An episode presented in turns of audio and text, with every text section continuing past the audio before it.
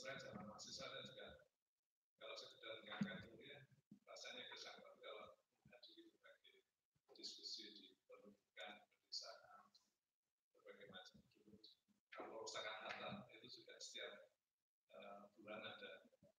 Saya selalu datang dan di situ tersedia instan uh, dan tidak mungkin saya membaca sendiri tetapi disediakan secara matang bahwa sudah dianalisis bakatnya sehingga saya kemudian bisa mengcopy untuk menceritakan pada orang lain karena kalau memahami sendiri dari apa bukunya mungkin sudah tadi kalau sudah dibuat oleh para pakatnya waktu itu saya merasa ini luar biasa sekarang saya melakukan saja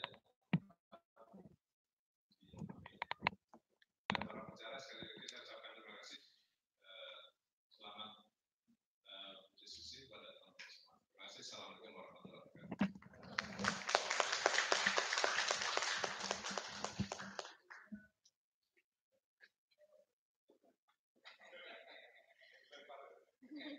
Baik, langsung saja kita mulai diskusi.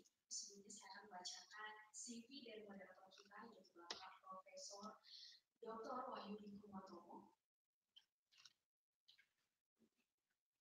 Nama lengkap beliau, Bapak Wahyudi Kumatomo, sebagai pengelola MAP, dan tanggal lahir 19 Desember tahun 1964 dengan riwayat pendidikan tahun 1986 sampai 1989 Beliau menyelesaikan studi di Department of Public Administration, Faculty of Social and Political Science, dan Jamada University Yogyakarta.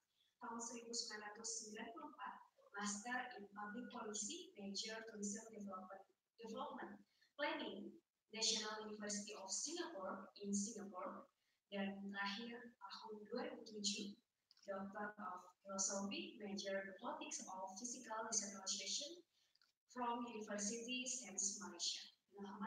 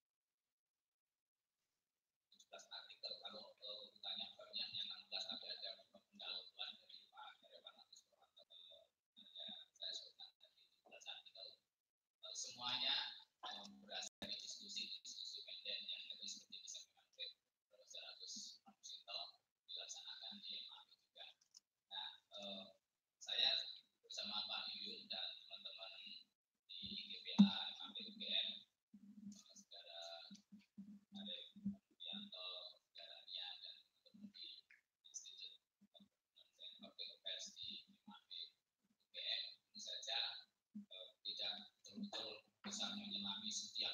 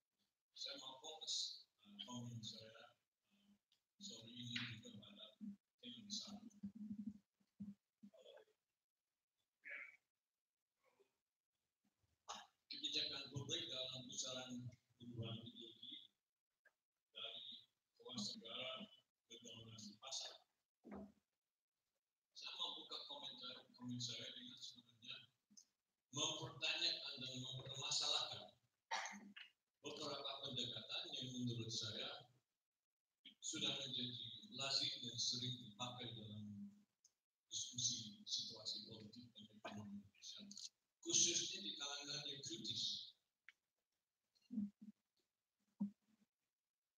Misalnya, kalau saya sendiri mungkin akan kurang sepakat dengan analisa bahwa perubahan yang terjadi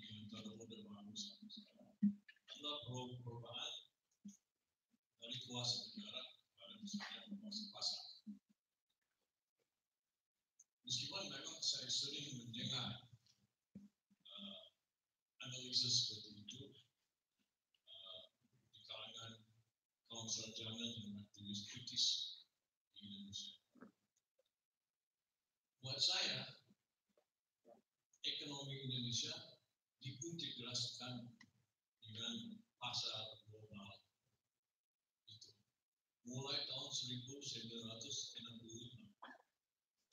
dan mulai tahun 1965 fenomena apalagi dengan undang-undang investasi asing tahun 67 sebenarnya ekonomi Indonesia sejak saat itu memang ditundukkan pada pasar diintegrasi dengan ekonomi dunia dan ekonomi dunia adalah ekonomi kapitalis yang memang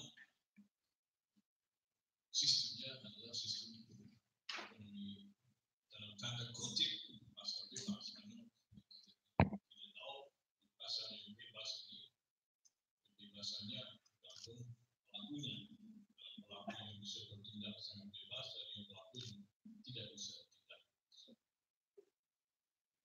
Perubah buat saya perubahan yang terjadi Baru sampai sekarang bukan bukan perubahan yang menyentuh proses-proses politik ekonomi yang berdasar. Perubahan yang terjadi memang perubahan buat saya sangat besar sekali. Dan perubahan itu adalah hasil perjuangan mahasiswa kemudian rakyat pada tahun 90. Seperti mulai dari tahun 70-an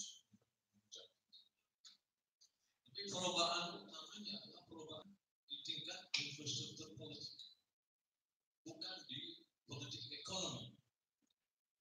Di infrastruktur politik, ganti dari sistem otoriter, sistem diktatoran, menjadi sistem demokrasi liberal atau demokrasi parlementer. Tapi saya akan sebutnya demokrasi, biasanya menyebutnya demokrasi liberal minus minusnya adalah karena masih ada beberapa ideologi yang dilarang tidak bisa disuarakan dan beberapa tuntutan yang tidak boleh disuarakan di demokrasi itu tapi ada minusnya.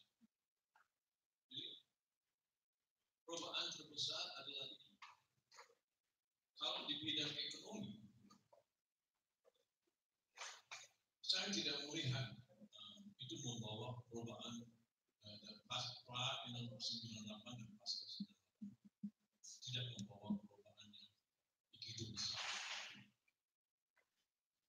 Memang ada perubahan di antara kita melihat dulu bahwa ekonomi Indonesia seperti juga ekonomi negeri saya, ekonomi pasar memang dalam sebuah ekonomi kapitalis yang pegang kekuasaan politik itu memang kelas yang terjadi yang bisa terjadi dari situasi ke situasi adalah fraksi mana dari kelas tersebut yang paling dominan.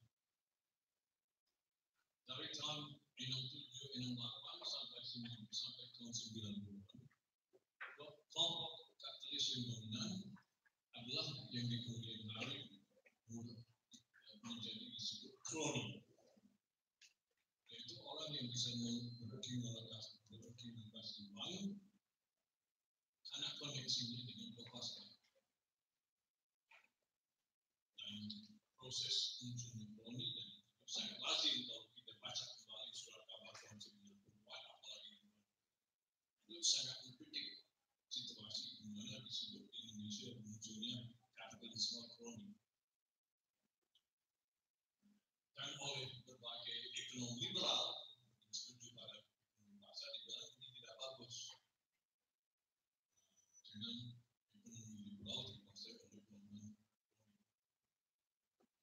Tapi munculnya yang disebut kroni atau kadang-kadang pakai istilah konglomerat itu berke- berkembang dari 60-an sampai 90-an sebagai hasil realitas bahwa pada tahun 60-an Indonesia tidak punya banyak kapital, Indonesia tidak punya kelas kapitalis yang signifikan. Memang ada jumlah kapitalis di Indonesia banyak sekali, ratusan ribu. Tapi seperti Soekarno menulis pada tahun 20-an pun kapitalis di Indonesia itu merek kecil. Karena tidak ada revolusi industri di Indonesia, kemampuan akumulasi kapital sangat minim.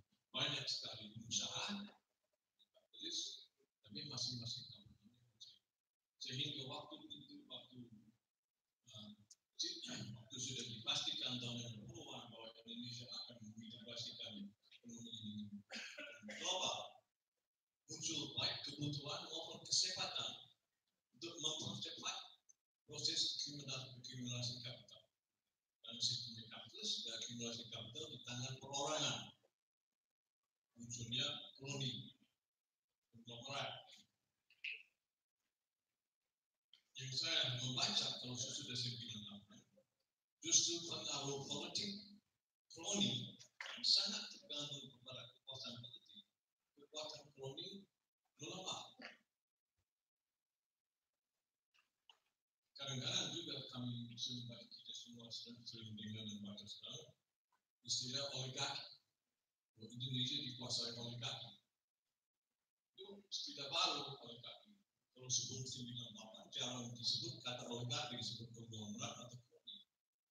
Buat saya saat ini kalau tidak mau lihat kekuasaan negara eh, terpisah daripada lapangan ekonomi. Buat saya Indonesia tidak dikuasai oleh kami. Pemerintah Indonesia yang saat ini maupun yang SBY sebelumnya bukan pemerintah perpanjangan tangan oleh kami. Mau tunjuk mana kebijakan, kebijakan bangun infrastruktur yang sudah direncanakan sebelumnya oleh pemerintah SBY melalui rencana strategi ekonomi Indonesia atau jasa. Maka itu sesuatu konspirasi ditentukan oleh kami. Saya kira tidak munculnya pemerintah SBY dan sekarang Ada transformasi sistem di mana kekuasaan negara, di mana state tidak lagi mewakili dan menjalankan kebijakan-kebijakan satu salah satu fraksi kapital tertentu yaitu kroni konglomerat dalam tanda kutip. Tapi sekarang kebijakan-kebijakannya strategi tergerakkan oleh niat. Entah niatnya akan berhasil saya pribadi kira tidak tapi niat untuk memajukan semua kapitalis di Indonesia. Dan harus kita catat 98 persen kapitalis Indonesia adalah kapitalis kabupaten. Pengusaha di tingkat kabupaten pengusaha di tingkat Nah, masalahnya, dan itu mengapa juga itu bisa lihat di parlemen, meskipun ada isu-isu membelah, ada yang pro pemerintah, ada yang oposisi, tidak ada perdebatan di parlemen yang signifikan tentang arah strategi pembangunan. Semua sepakat. Mana ada yang bilang, jangan arah itu. Mungkin bisa bisa cari hal-hal kecil, oh, mempertimbangkan ini, kurang apa, uh, kinerjanya. Di arah tidak ada yang mempersoalkan.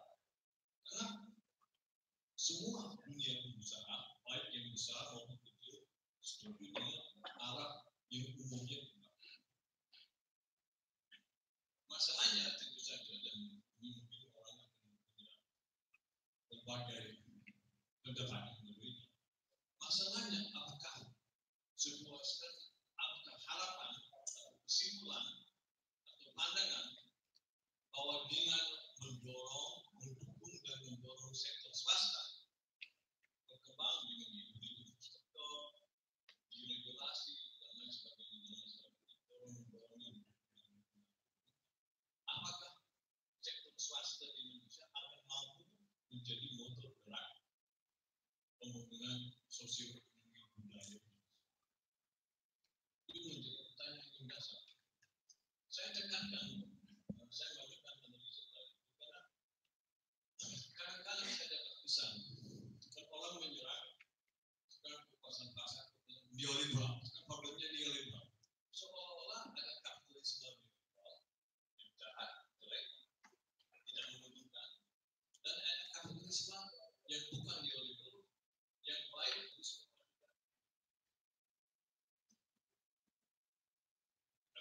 kapitalisme mungkin ada kapitalisme nasionalis. Atau kapitalisme yang baik yang sifatnya apa?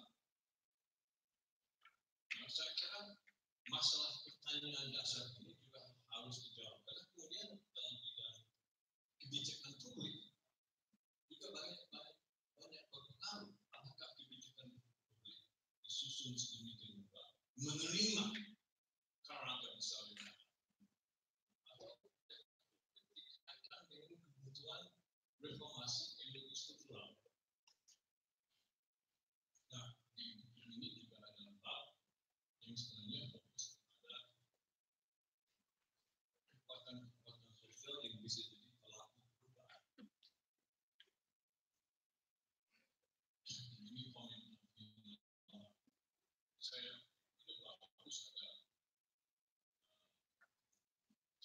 penting sekali ada sektor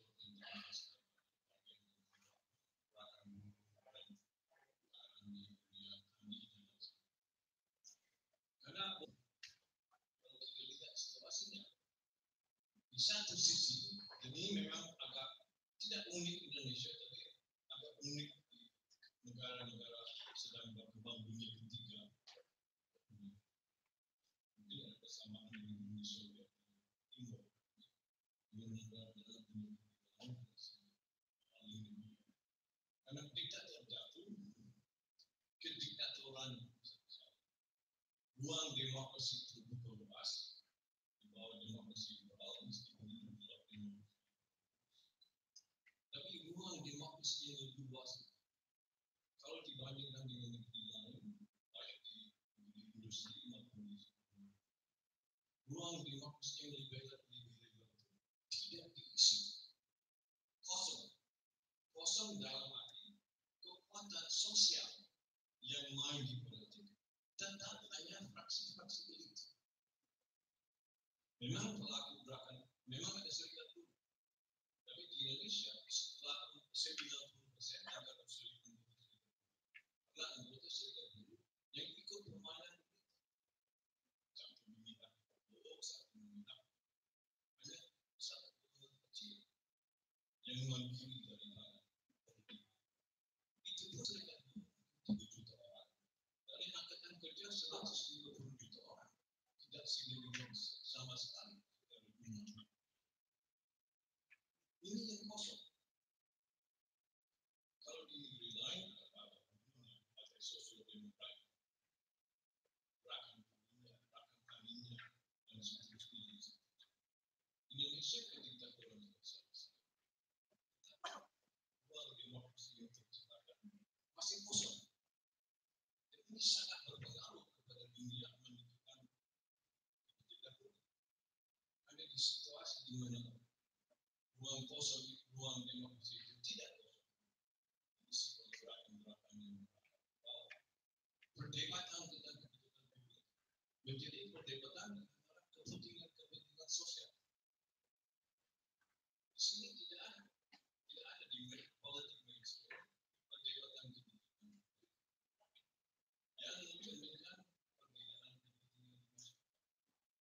Dan masyarakat banyak yang miskin, 80 persen tidak punya sesuatu yang tidak punya ideologi politik sendiri tergantung pada perkelahian yang pakar-pakar yang ada yang sebenarnya pada elit meskipun harus cari dukungan ini beberapa pertanyaan saya. Saya kira uh, yang chapter-chapter yang saya baca, menurut saya data-datanya dan keterangan-keterangannya sangat berarti.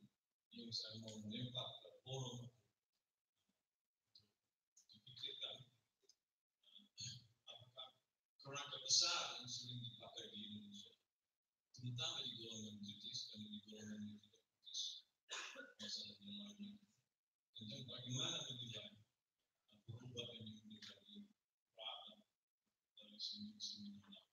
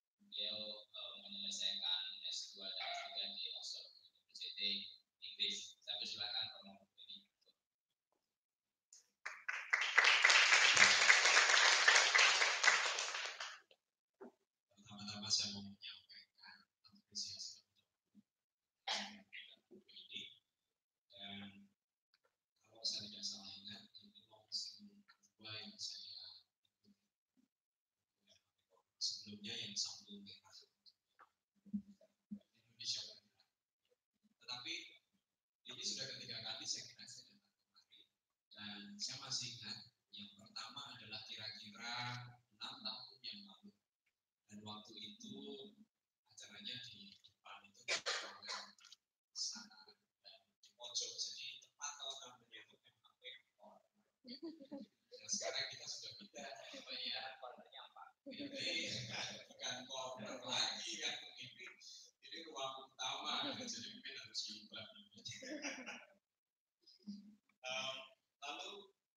ini juga momentumnya adalah peringatan 20 tahun reformasi.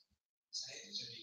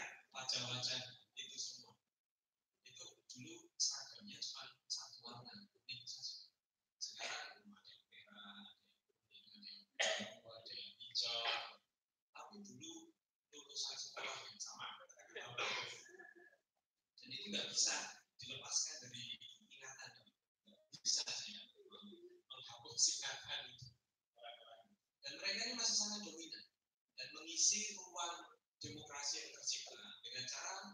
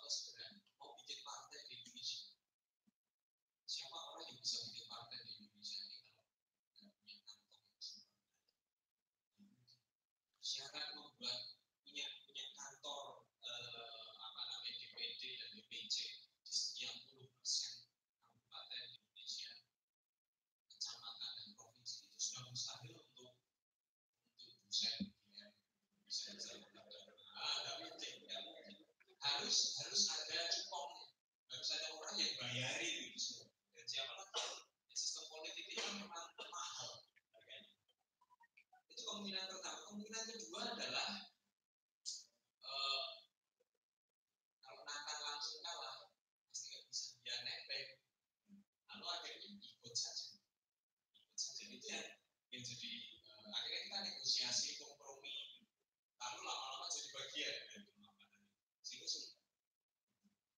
kemudian berikutnya amatan saya berikut Eh, kalau itu tadi dari segi aktor ya, saya ingin melihat sekarang dari segi gagasan ide 20 tahun terakhir ini eh, ideologi yang berkembang yang menjadi pembentuk gagasan kita mengenai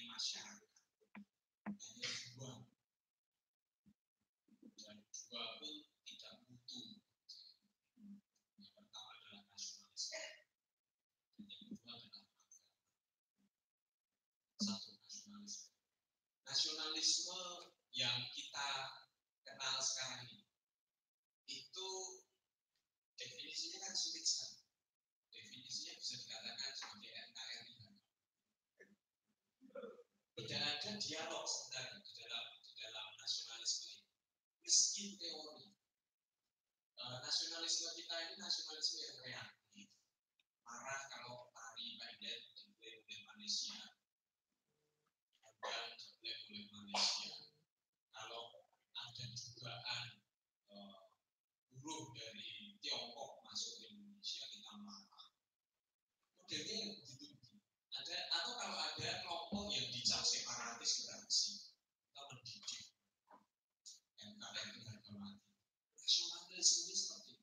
ekspresinya apa? Baris berbaris upacara eh, baju goreng militeris lalu agama. Eh, ada banyak kajian mengenai peran agama di dalam tetapi yang saya sayangkan adalah eh, agama tidak sumbangan agama dalam diskusi politik di Indonesia itu cenderung dangkal sempit reaktif mirip dengan nasionalisme itu tadi jegala kalau di sini tetapi tidak tidak mampu men- me- menyumbang gagasan yang progresif. Ujung-ujungnya semua adalah intinya memperbanyak bunga saja. Supaya masuk surga jadi kalau ilustrasi yang paling cocok itu kalau sekarang kan dunia pendidikan itu peduli dengan yang namanya pembentukan karakter.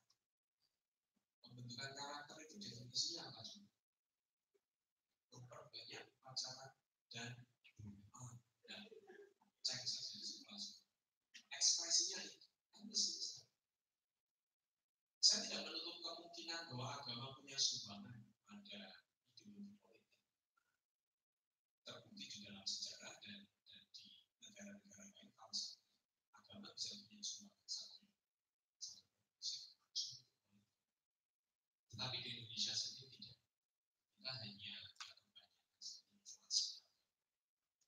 Sumbangannya. Mengapa itu bisa terjadi? Salah satunya adalah karena eh, kita dilarang untuk ngomong yang baik. Tadi Pak Max menyinggung, masih ada ide atau ideologi yang dilarang. Ideologi yang dianggap kekinian. Ideologi yang basisnya adalah kepentingan rakyat banyak. Nggak boleh yang berbahaya. Dan karena ada larangan ini, maka kita lari ke dua tema ini, nasionalisme dan agama. Segala sesuatu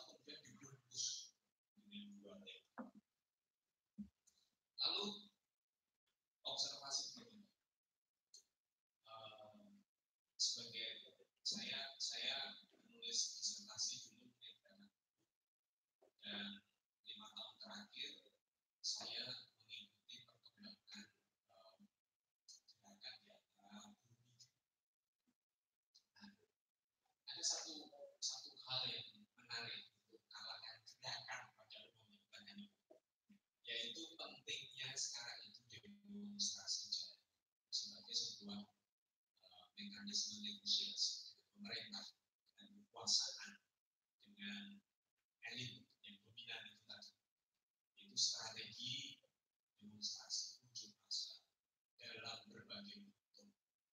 Dan ini kelihatan sekali. Demonstrasi menjadi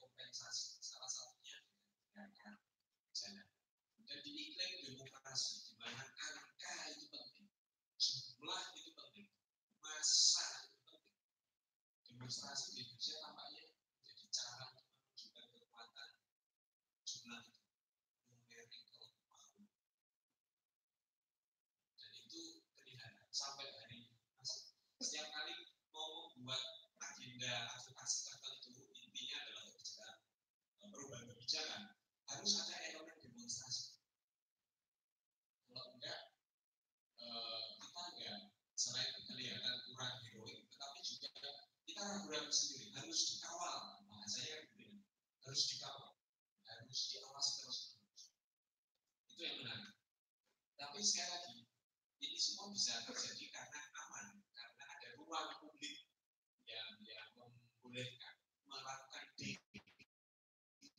kriminalisasi protes. Kalau sekarang protes jalan itu hanya masalah.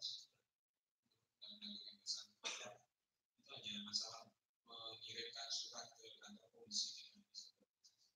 Polisi tidak mau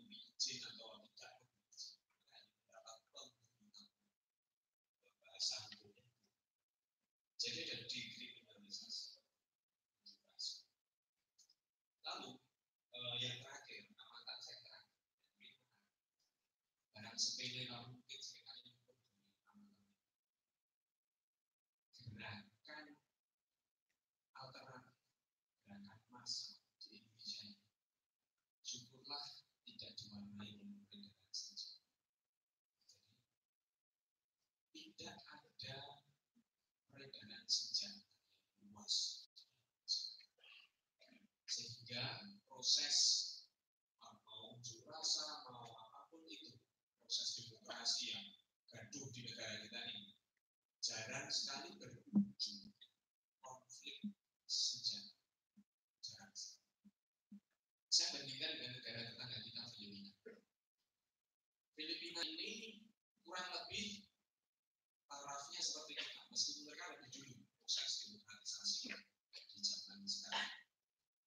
otomatis mereka selalu ada dalam bahaya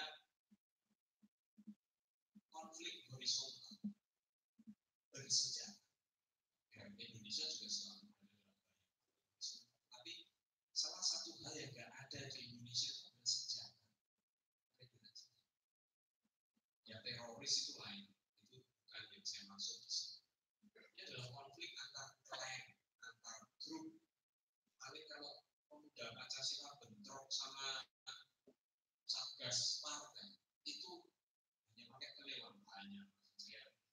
that, something like that. But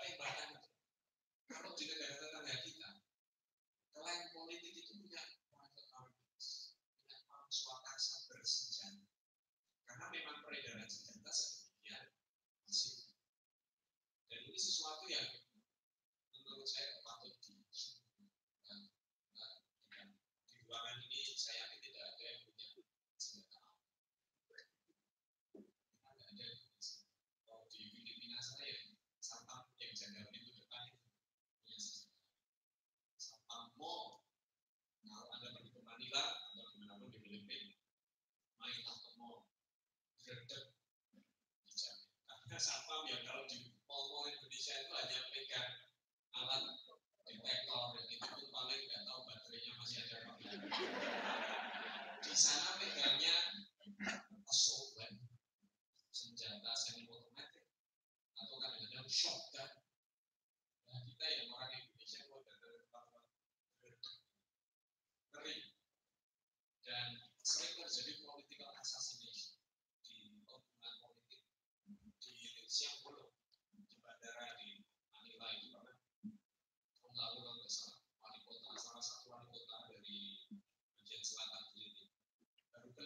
Dari terminal itu ada motor orang naik itu berhenti langsung itu terjadi. On a daily basis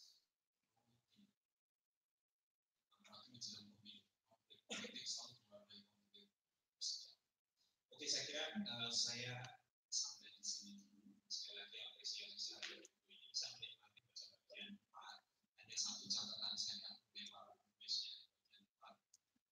Marcelo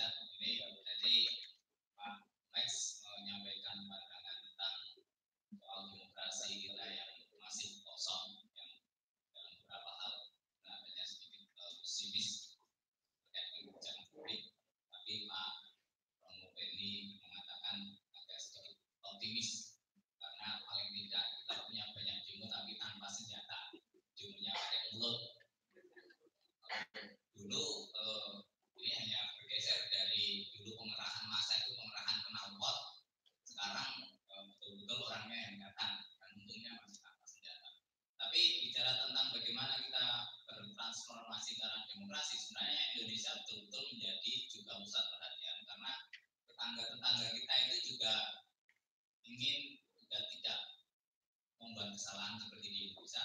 Tapi pada saat yang sama ada yang juga mundur. Anda tahu Thailand ini 25 tahun mundur ke belakang dari segi demokrasi setelah represi buta militer berkuasa baru sekarang pertimbangan untuk pemilu. Nah, sebaliknya Malaysia itu baru saja betul-betul merasakan mungkin kebebasan eh, berdemokrasi seperti yang kita eh, sudah alami sejak tahun 98. Cuma masalahnya apakah kebebasan itu juga bebas menggunakan senjata seperti Filipina misalnya saja. Nah, lalu kemudian tadi disampaikan juga bagaimana kita mengisi ruang tengah ini yang bukan elit dan juga bukan uh, grup berbicara tentang kebijakan publik. Beberapa waktu yang lalu ada terbitan dari majalah di Economist yang mengatakan salah satu kelemahan di India. India itu hanya terbelah menjadi dua, kelas elit dan kelas proletar, kelas bawah. Tidak ada kelas menengah. Nah, banyak orang yang di Indonesia ini banyak kelas menengah yang konon katanya sudah 49 persen. Tapi apakah betul kelas menengah itu bisa mengisi ruang demokrasi sehingga kemudian kebijakan publik betul-betul memenuhi kepentingan publik. Saya ingin saya ingin dengar Pak Herman Suranto secara singkat. eh, saya kira saya tidak perlu perkenalkan lebih dalam karena beliau sudah terkenal eh, di medsos eh, mantan calon rektor gitu ya. Eh, kita harapkan nanti eh, beliau betul-betul eh, kalau melihat kapasitasnya lebih lebih baik daripada rektor. Jadi tidak diragukan lagi. Silakan Pak Irfan, beliau adalah lulusan eh, MAP, pernah menjadi pengelola MAP dan sekarang menjadi dekan di psikologi UGM, lulus S1 dari jurusan AN, lulus S2 dari MAP, S3 dari Universitas Amsterdam di Belanda. Silakan Pak Irfan. kasih eh, kasih berapa Pak Lex juga menyampaikan eh, Mas Karim. saya banggakan selamat sore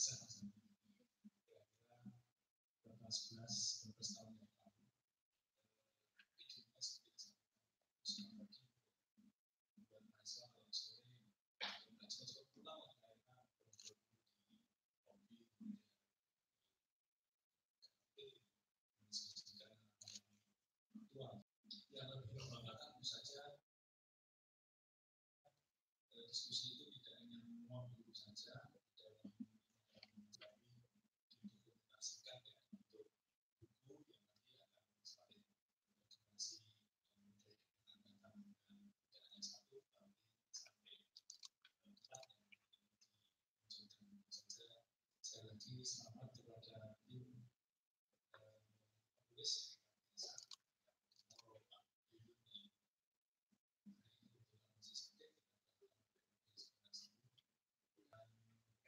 para penulis yang sebagian besar ini penulis yang jauh dari reformasi di sebagian besar kalau dibaca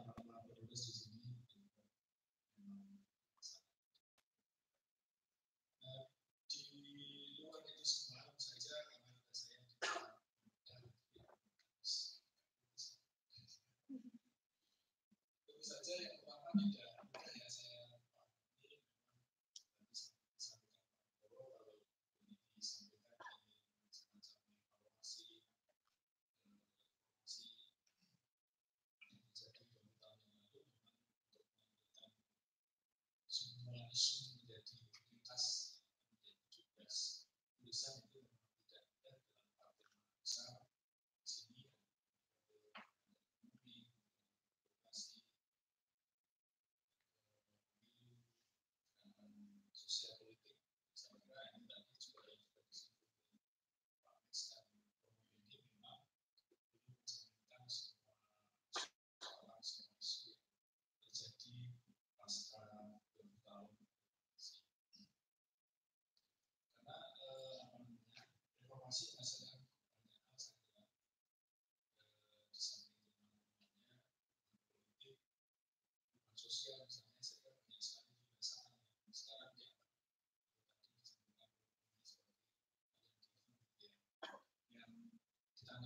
present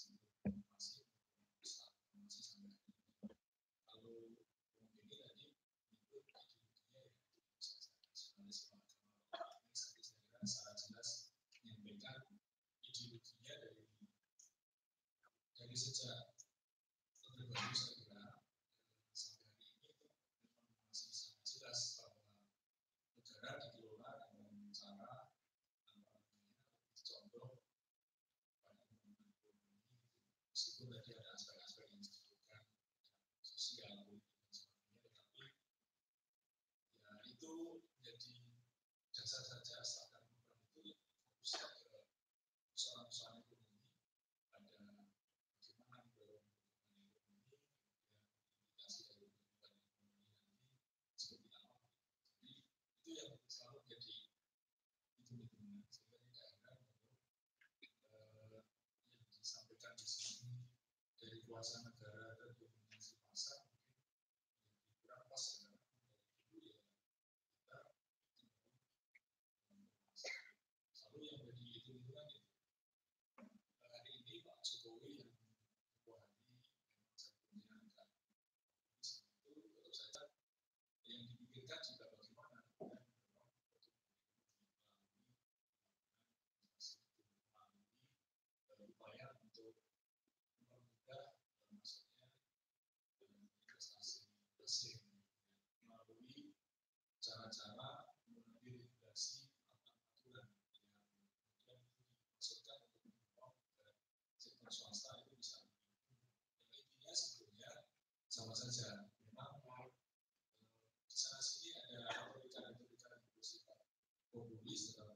tersebut itu akan bisa dikerjakan pr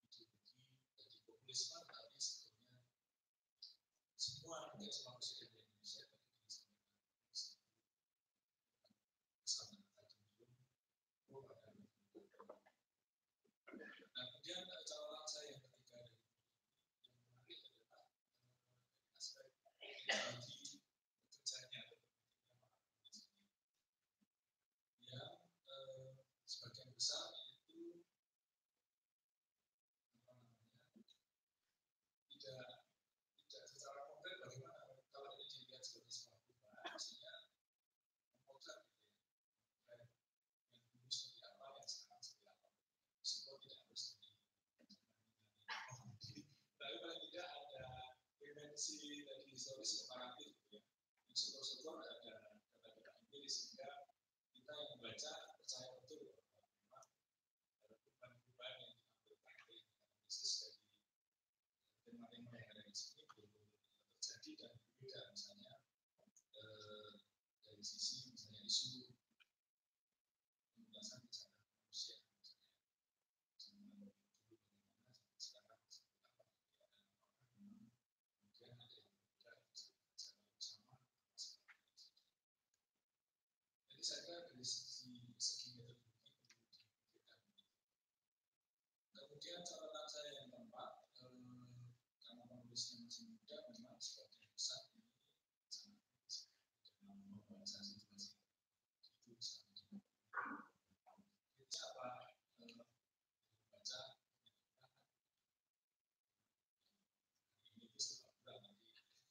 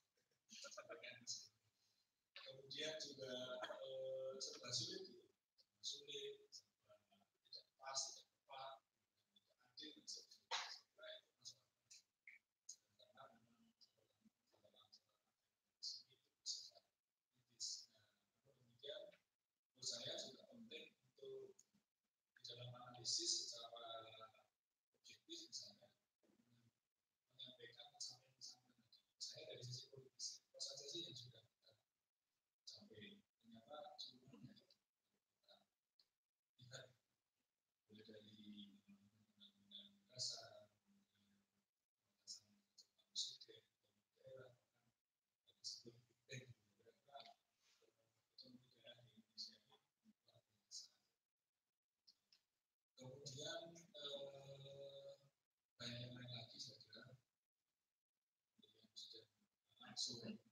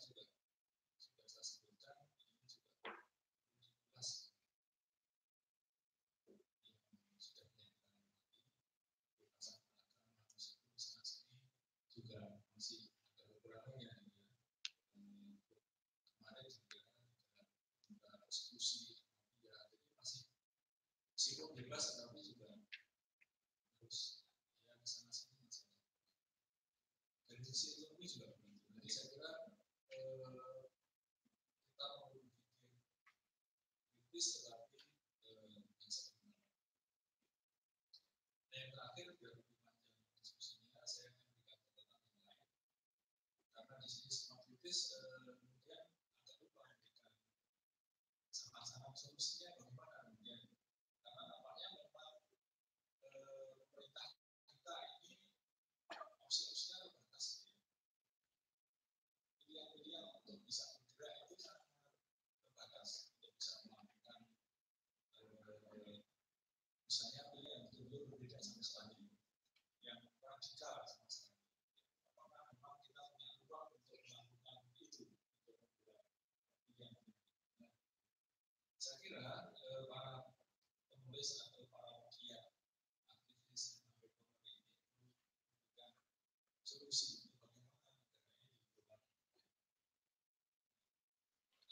passada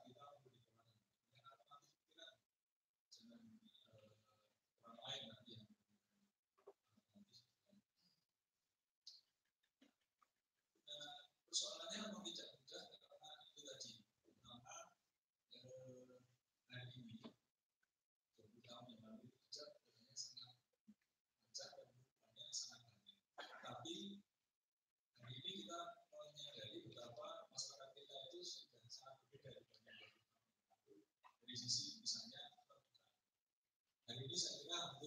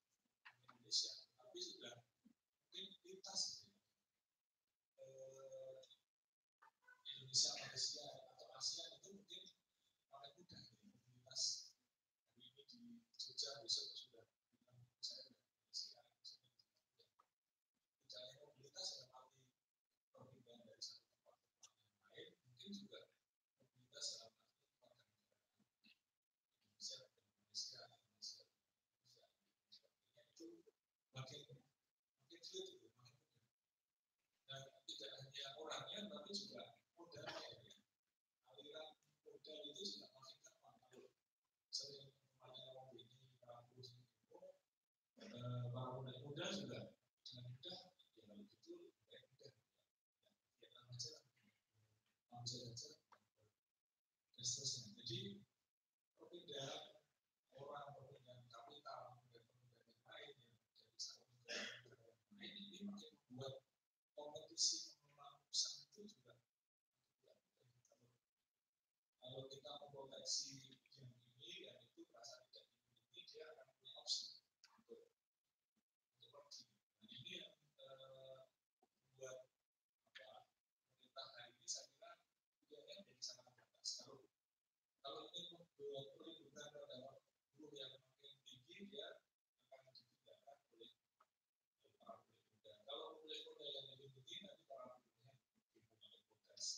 that's like an MD, the OTLC.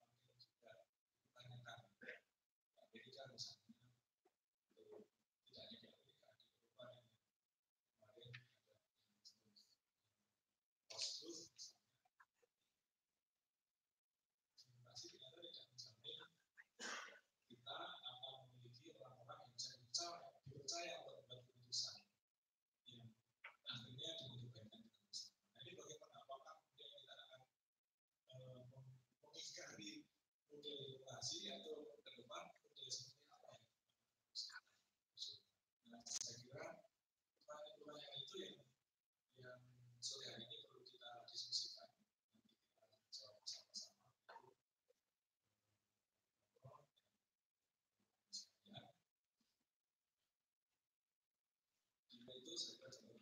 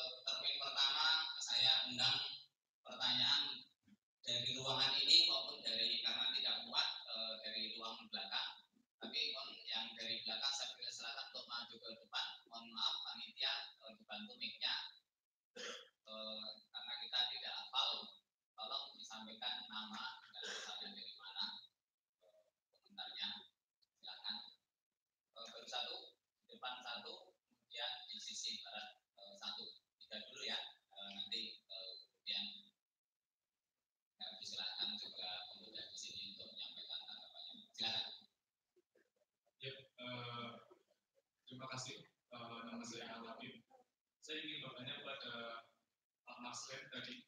Tadi menarik ketika Pak Maxlen berbicara bahwa sebenarnya perubahan dari Orde Baru ke reformasi itu bukan perubahan ekonomi, bukan perubahan politik ekonomi, tapi perubahan infrastruktur politik.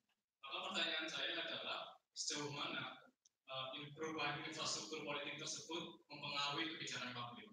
Karena saya melihat bahwa katakanlah ekstrimnya dari perubahan infrastruktur politik adalah eh, eksistensi dari multi partai sekarang. Bahkan tahun 2012, 2019 nanti pemilu akan ada 20 partai. Tentu ini sangat berbeda konstelasi politiknya dengan kondisi orde baru yang hanya ada tiga partai yang di mana karena itu eh, katakanlah kalau oligarki bisa melanggengkan eksistensinya. Tapi dengan ada 20 partai yang nanti akan berkompetisi di pemilu dan nantinya akan eh, ikut kontestasi politik di DPR ataupun di pemerintahan, itu bagaimana? Katakanlah misalkan partai politik itu memiliki pengaruh yang sangat besar dalam menentukan suatu produk undang-undang di DPR. Karena saya kira prioritasnya sebenarnya anggota DPR itu lebih mewakili rakyat atau partai. Kalau kalau mereka mau menjawab jujur, kemungkinan besar mereka akan, akan menjawab mewakili partai. Karena tidak ada anggota DPR yang katakanlah yang berani menentang ketua partainya. Nah, maknanya apa? Maknanya bahwa partai politik itu sangat menentukan katakanlah anggota DPR dalam membentuk undang-undang misalkan. Ataupun menentukan bahkan presiden pun dalam menentukan mengeluarkan suatu peraturan presiden misalkan. Nah ini kan sangat berbeda sekali dengan dulu di zaman Orde yang hanya ada tiga partai, tapi sekarang sangat multi partai. Maka kemungkinan besarnya tarik ulur kepentingan antara tiap-tiap partai itu yang sangat banyak itu, itu akan merubah konstelasi kebijakan publik. Karena eh, ini merupakan salah satu perubahan infrastruktur politik yang tadi disebutkan oleh eh, Pak Maxwell, tapi pertanyaan saya adalah perubahan ekstrim infrastruktur politik yang terjadi di Indonesia di Orde Baru reformasi itu dampaknya sejauh mana misalnya pada perubahan ideologi. Karena kita tahu masing-masing partai punya ideologinya sendiri. Katakanlah sekarang eh, partai Islam dengan partai nasionalis di di versus kan sangat kasar sekali antara persaingannya. Nah, dalam konteks perubahan ideologi secara umum, secara khususnya dalam konteks kebijakan publiknya itu uh, akan berdampak sebagai menjadi seperti apa dari karena konteks uh, perubahan infrastruktur politik yang sangat ekstrim ini. Mungkin itu pertanyaan dari saya. Terima kasih. Baik, terima kasih Latif. Latif. Oke. Uh, berikutnya uh, penanya. Selamat sore, wabarakatuh. Nama saya Patricia. Uh, mungkin uh, pertanyaan saya masih terkait dengan diskusi sebelumnya di awal kafe uh, 19 Mei lalu. Mungkin lebih khusus pertanyaan ini kepada Mas. Uh, saya tertarik dengan uh, uh, apa yang dikatakan Mas Len bahwa pemerintahan Joko Widodo yang dalam membangun ekonomi negara dengan mendukung kapitalisme secara umum pada suatu saat akan membawa malapetaka bagi Indonesia. Uh, ini kemu kemudian membawa saya pada pertanyaan terkait pembangunan ekonomi yang pada satu atau lebih sisi harus dan telah merusak ekosistem, menjadi deforestasi dan persoalan lingkungan lainnya. Uh,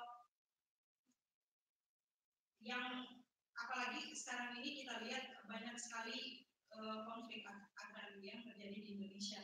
Pertanyaan saya lebih uh, pada apakah kemudian uh, kebijakan otonomi daerah pasca 98 di satu sisi masih menjadi proyek yang sentralisasi.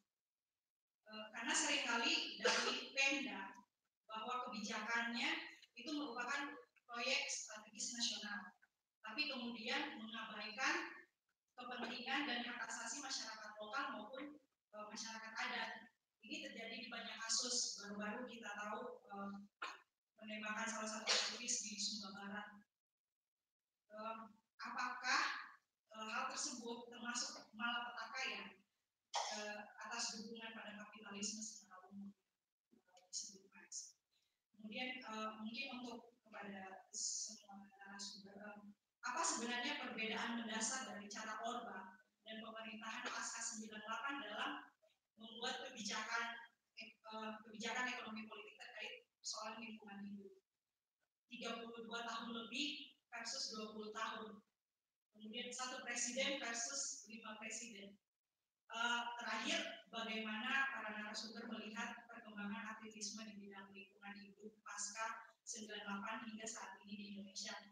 Ini dalam hal bagaimana uh, mempengaruhi kebijakan publik uh, oleh pemerintah. Baik, terima kasih saudara Patricia. Berikutnya tadi ada ya. Terima kasih. Assalamualaikum warahmatullahi wabarakatuh. Nama saya Fandi Ahmad dari UI. Uh, saya tertarik di sini untuk membahas tentang tadi uh, uh, penghambat dari laju demokrasi kita, yakni adalah nasionalisme dan agama. Jadi karena saya melihat bahwasanya memang uh, jadi, jadi kenapa kok bisa menjadi uh, dua hal utama penggerak kemerdekaan kita dan kemudian ini sebagai ciri ciri bahasanya Pancasila itu bahasanya ya uh, warisan masa lalu kita kenapa kok sekarang malah menguat mengkristal dan itu semakin kaku dan semakin dangkal bukan bahkan sekarang dia tuh radikal itu suatu, suatu hal yang uh, salah. Padahal ada tahun 1970-an kalian mengatakan bahwa agama harus radikal. Tapi radikal itu juga harus berarti radikal, berarti radikal itu berarti kita harus apa ya uh, intoleran harus yang lain. Tapi radikal berarti kita yakin agama kita yang benar tapi kita juga harus mengakui bahwa yang lain juga uh, silahkan melakukan kebenaran yang lain seperti itu atau bahasa Pak Mustian agreement disagreement tapi gagasan-gagasan yang uh, sudah sangat canggih masa itu ini kok pada masa-masa uh, demokrasi atau reformasi kok semakin dangkal. Kira-kira apa penyebabnya di situ? Dan kemudian uh, yang kedua adalah kira-kira reformasi ini yang menikmati siapa? Begitu. Soalnya saya saya kemarin uh, pernah ikut uh, survei di salah lembaga survei data politika gitu. Nah, di situ saya lihat respon dari masyarakat bawah itu mereka itu sebenarnya jadi tidak sangat menikmati terhadap ini terhadap eh, reformasi ini bahkan mereka masih mengakui bahwasanya Soeharto itu ya kalau ada Pak Soeharto ya saya, saya lebih Pak Soeharto Pak seperti itu. Jadi kok kenapa harus seperti itu? Terima kasih. Assalamualaikum warahmatullahi wabarakatuh. Ya, saya eh, tajam beberapa pertanyaan. Saya persilakan eh, narasumber barangkali ada tanggapan dan saya juga ingin tekankan kalau ada kata ada tambahan dari penulis buku ini. Eh, ada eh, 16 orang penulis. Kalau ada kata ada komentar terkait dengan tiga pertanyaan ini saya persilakan. Silakan Pak Max.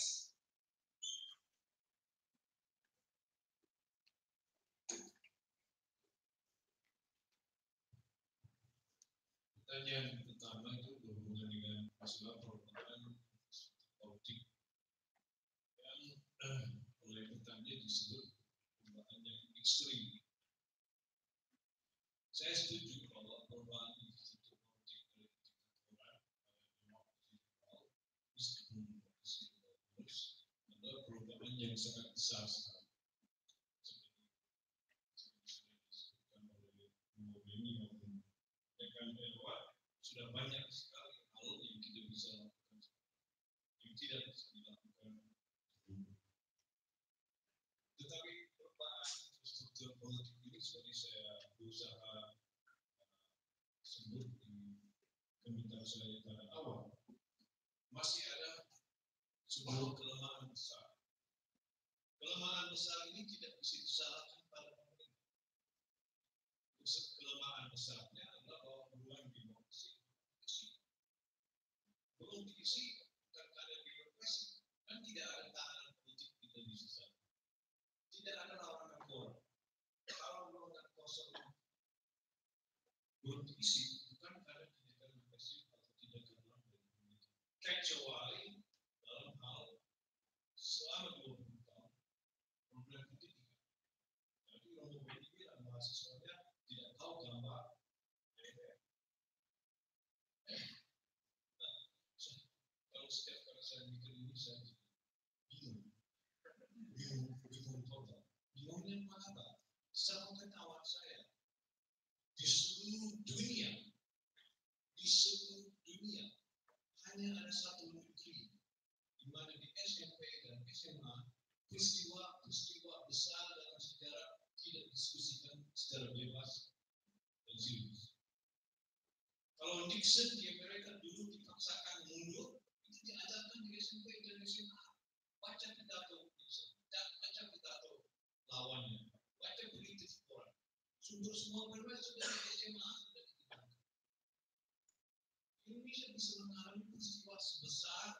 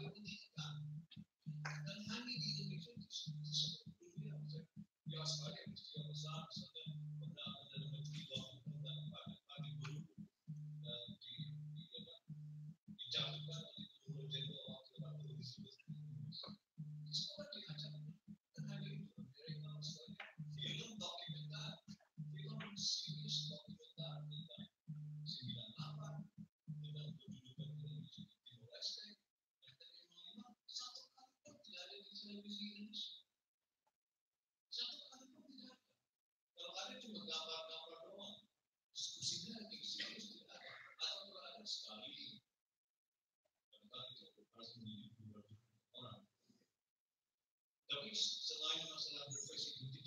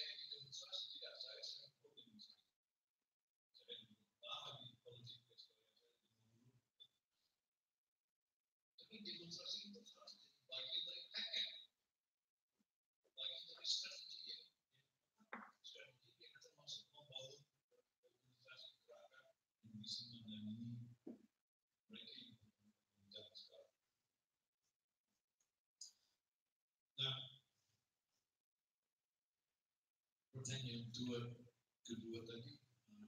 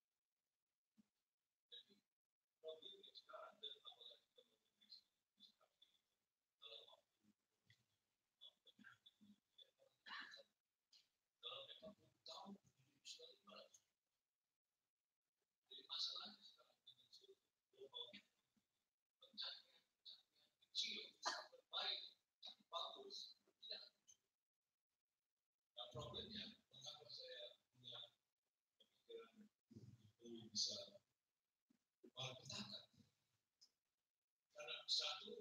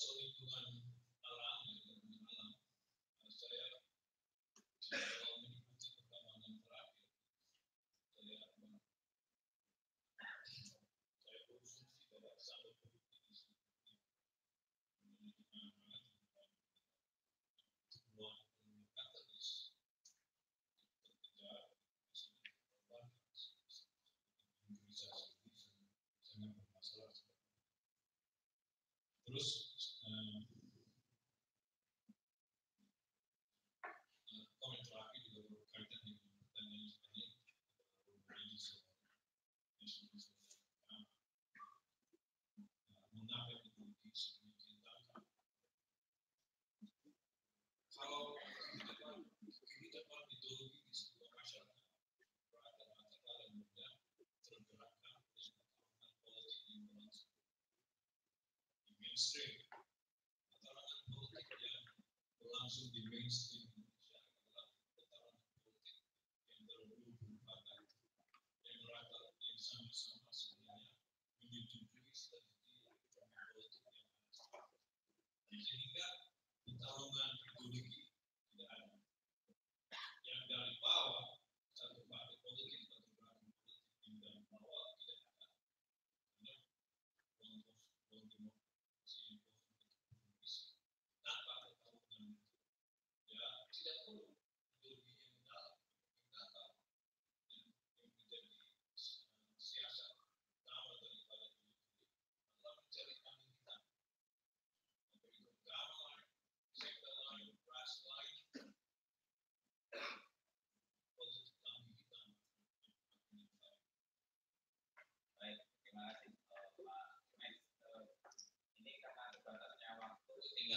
menit eh, perlahan untuk komentar videonya Pak Romo Hedi dan Pak Irwan masing-masing kira-kira enam menit berikutnya supaya kita lewat eh, waktu azan. Terima kasih. Saya akan menjawab pertanyaan terakhir tadi eh, Andi mengapa nasionalis dan agama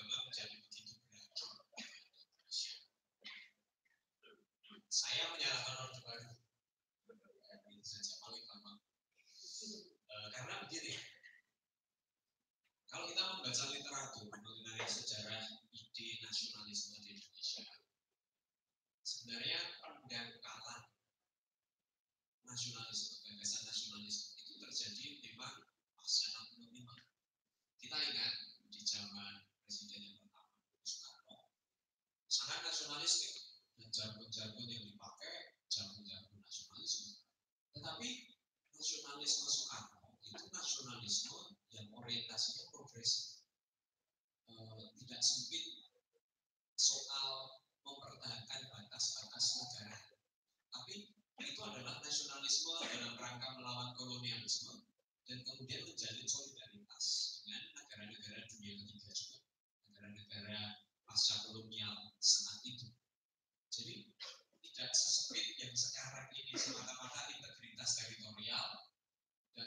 dia uh, jargonnya lain lain dan ekspresinya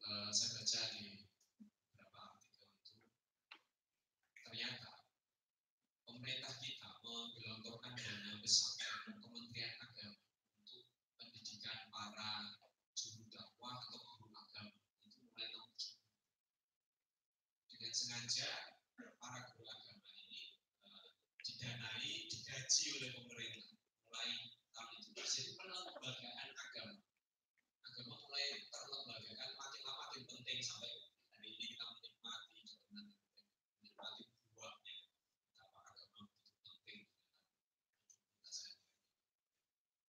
Dan itu di, dilakukan selama 30 tahun terakhir. Maka saya berkata, mengapa? Kalau pertanyaannya mengapa begitu beracun? Eh, lalu pertanyaan Fandi berikutnya adalah siapa yang menikmati reformasi? Ini mungkin ada sedikit ya, ada beberapa pertanyaan yang lain. Yang pertama adalah aktivis. Saya mau bilang, saya punya banyak teman aktivis yang paling menikmati. Sebagian kemudian masuk di dalam sistem politik eh, yang resmi menjadi aktivis atau pengurus partai, staf anggota DPR, lama-lama menjadi caleg dan jadi anggota DPR. Saya menyatakan dua sekarang ini jadi anggota DPR. Dulu tahun 98. Ya, antara senang, lama-lama kecewa. Belum emosinya. Tetapi terjadi aktivis. Tapi juga aktivis ini sekarang punya ruang yang bebas untuk bergerak, diskusi, termasuk lobby. Jadi kalau tadi saya saya agak pesimis bahwa rakyat kebanyakan ini bisa ikut mengubah kebijakan kalau jalurnya adalah bikin partai. Tetapi ada jalur lain yang terbuka yaitu lobbying.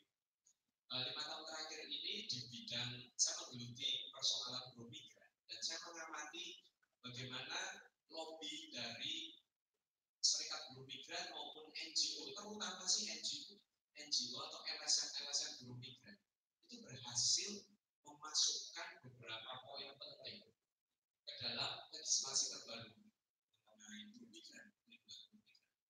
Undang-undang yang pertama undang-undang 17 itu bicara mengenai beberapa hal yang memang dilobby oleh LSM.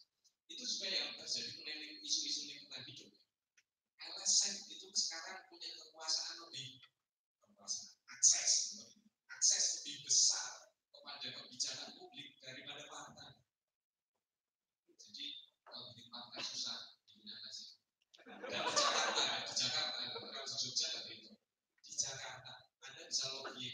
bisa memanfaatkan konflik politik di antara anggota DPR antar partai untuk memasukkan ini.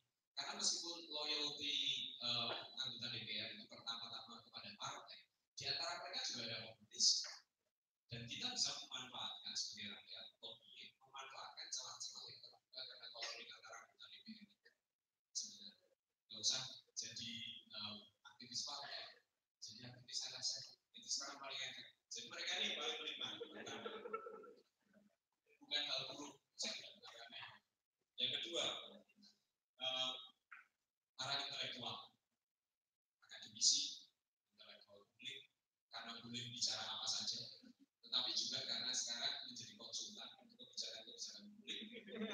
Thank you.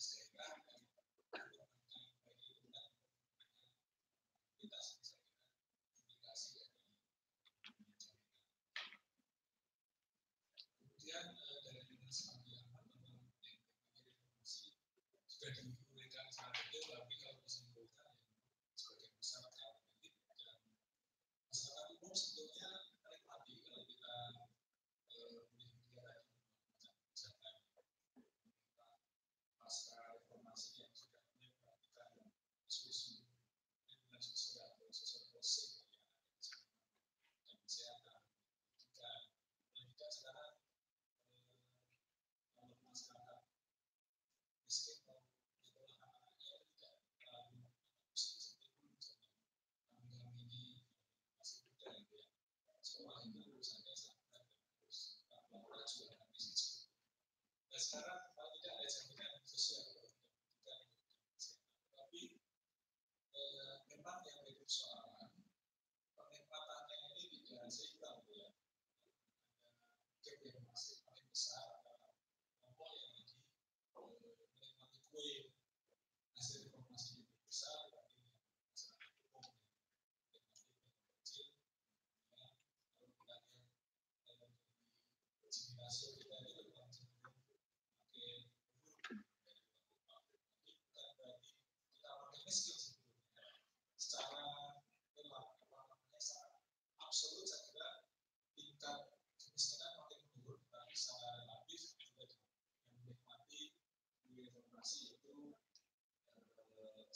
son of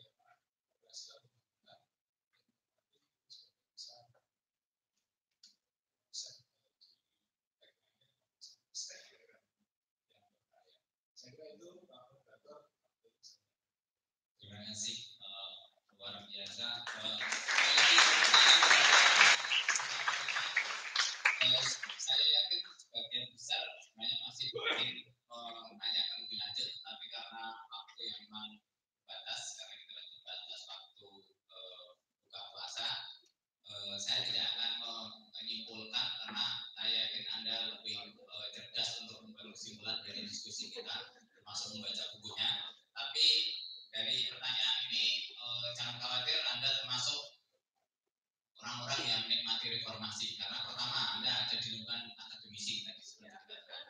Yang kedua, Anda adalah eh, aktivis. Banyak tanya, buktinya kalau teman yang lain itu hanya cukup kuliah, Anda masih aktif mau eh, melakukan diskusi di ruang ini tentu saja Anda yang masih kurang adalah maka Anda adalah bisnis di daerah masing-masing. Itu yang eh, perlu harus dibuktikan. Terima kasih atas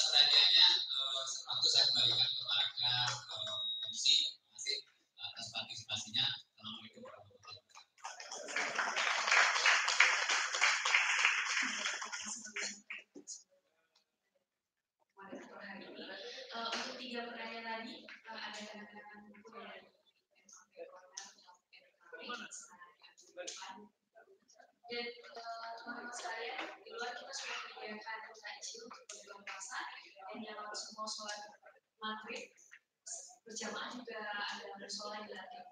Terima kasih atas perhatiannya. Assalamualaikum warahmatullahi wabarakatuh.